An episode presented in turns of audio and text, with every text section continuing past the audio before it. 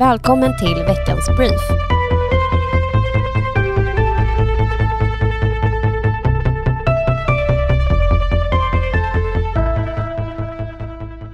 Den grönblå majoriteten i Stockholms stadshus presenterade i veckan ett lokalt stödpaket värt nästan 100 miljoner kronor som ska hjälpa krogar och företag inom besöksnäringen i Stockholms stad för att överleva de minskade intäkterna på grund av pandemin.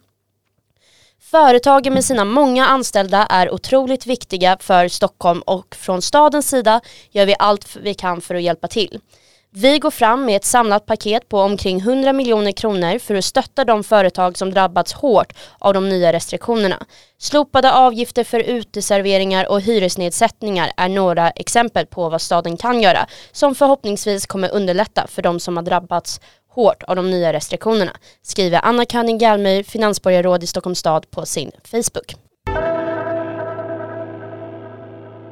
Vårdköerna växer och skillnaderna i både väntetider och vårdkvalitet varierar beroende på var i landet du bor.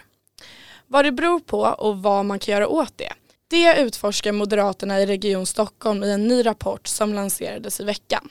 Sjukvården är en av väljarnas viktigaste frågor och särskilt aktuell nu i och med pandemin och dess följdeffekter. Vårdköerna växte dock även innan pandemin och fördubblades mellan år 2014 och 2018. Nu behövs nationella reformer för ökad valfrihet och fler aktörer i vården, såväl som lokala riktade insatser för att komma till rätta med köerna. Vården ska inte vara ett postkodlotteri, menar Moderaterna i Region Stockholm. Så här säger Irene Svenonius, finansregionråd och rapportförfattare om rapporten. Människor som väntar i en vårdkö, de riskerar ju att bli ännu sjukare, de riskerar att dö innan de har hunnit få vård. Och eh, jag vill gärna belysa hur viktigt det är att alla människor som är sjuka kan få komma till vården när de behöver den oavsett var de bor i hela Sverige. Och med den här rapporten så vill ju vi visa att det ser väldigt olika ut runt om i Sverige och också att vårdköerna i hela Sverige har ökat dramatiskt sedan eh, Socialdemokraterna tog över makten över Sverige 2014. Det är en påtaglig skillnad mot hur det var när Alliansen styrde. Mm. Och eh, rubriken Vårdkör ett livshotande problem, varför just den rubriken?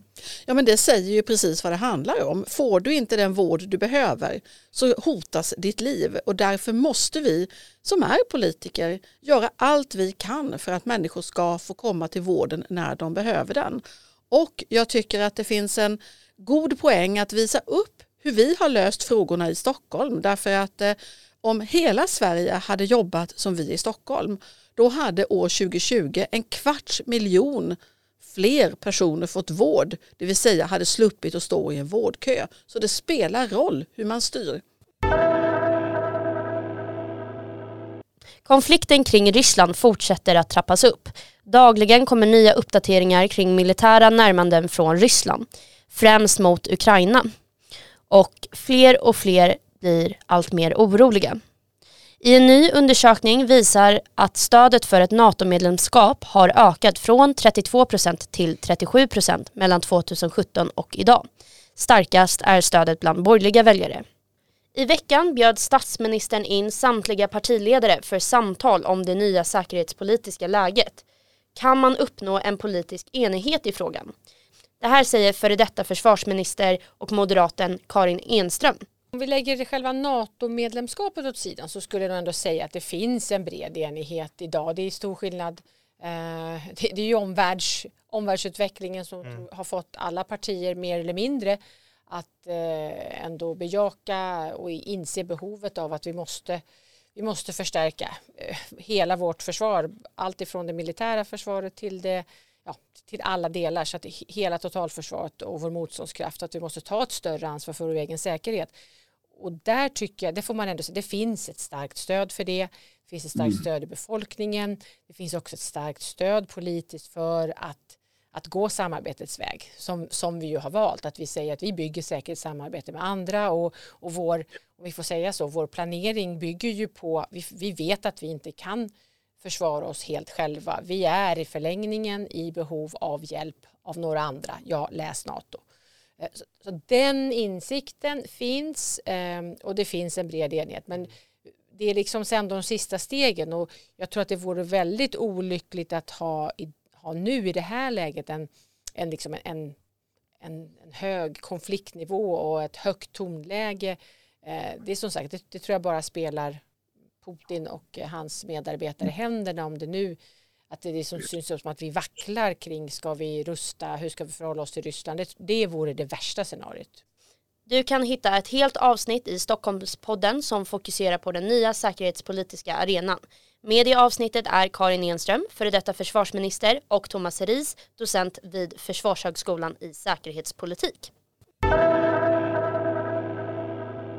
September 2020 tillsatte Regionstyrelsen vid Region Stockholm en trygghetskommission med en parlamentarisk styrgrupp och en extern särskild utredare i form av forskaren och före detta polischefen Magnus Lindgren vid stiftelsen Tryggare Sverige.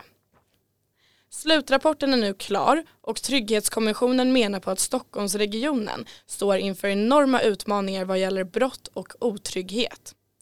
Så här säger Kristoffer Tamsons, ordförande i Trygghetskommissionen om slutrapporten. Vi behöver ta oss an de här frågorna på ett sätt som vi inte gjort tidigare i Sverige och då startade vi någonting unikt i en särskild eh, trygghetskommission inom ramarna för Region Stockholms arbete. Vi gjorde det eh, genom att tillsätta en politisk styrgrupp där jag är ordförande men framförallt gjorde vi det genom att vi tillsatte en oberoende utredare och sa till honom och det var, för det var en han och det var Magnus, eh, att eh, kan du inte utifrån all den erfarenhet som du har utifrån ditt arbete och din verksamhet tidigare inom det här området knyta till dig några av de bästa hjärnorna, de, några av de bästa tänkarna, några av de bästa aktörerna eh, och ställa dig frågan hur ser det egentligen ut med otryggheten i Stockholmsregionen? Varför ser den ut som den gör? Hur uppträder den? Hur rör den sig? Och också då i ett andra steg som är denna då slutrapport. Vad kan vi göra åt den? Inte var och en av oss utan vi tillsammans om vi ser till att liksom lägga gamla gränser och administrativa liksom, eh, hänsyn åt sidan. Lite grann det är väl bakgrunden till det hela men grunden till det hela är att vi vet att den här frågan är på riktigt. Pandemi eller ej otrygghetsfrågan har vuxit sig så stark i samhället. Medvetandet om den är så kraftfull i hur människor lever sina liv idag att vi kan inte gå runt den längre. Vi måste gå rakt på den och vi måste försöka göra någonting åt den. Du kan lyssna på Stockholmpoddens avsnitt som berör rapporten i sin helhet tillsammans med Kristoffer Tamsons och Magnus Lindgren. Veckans Brief är tillbaka varje fredag klockan 07.00 för att ge dig veckans toppnyheter.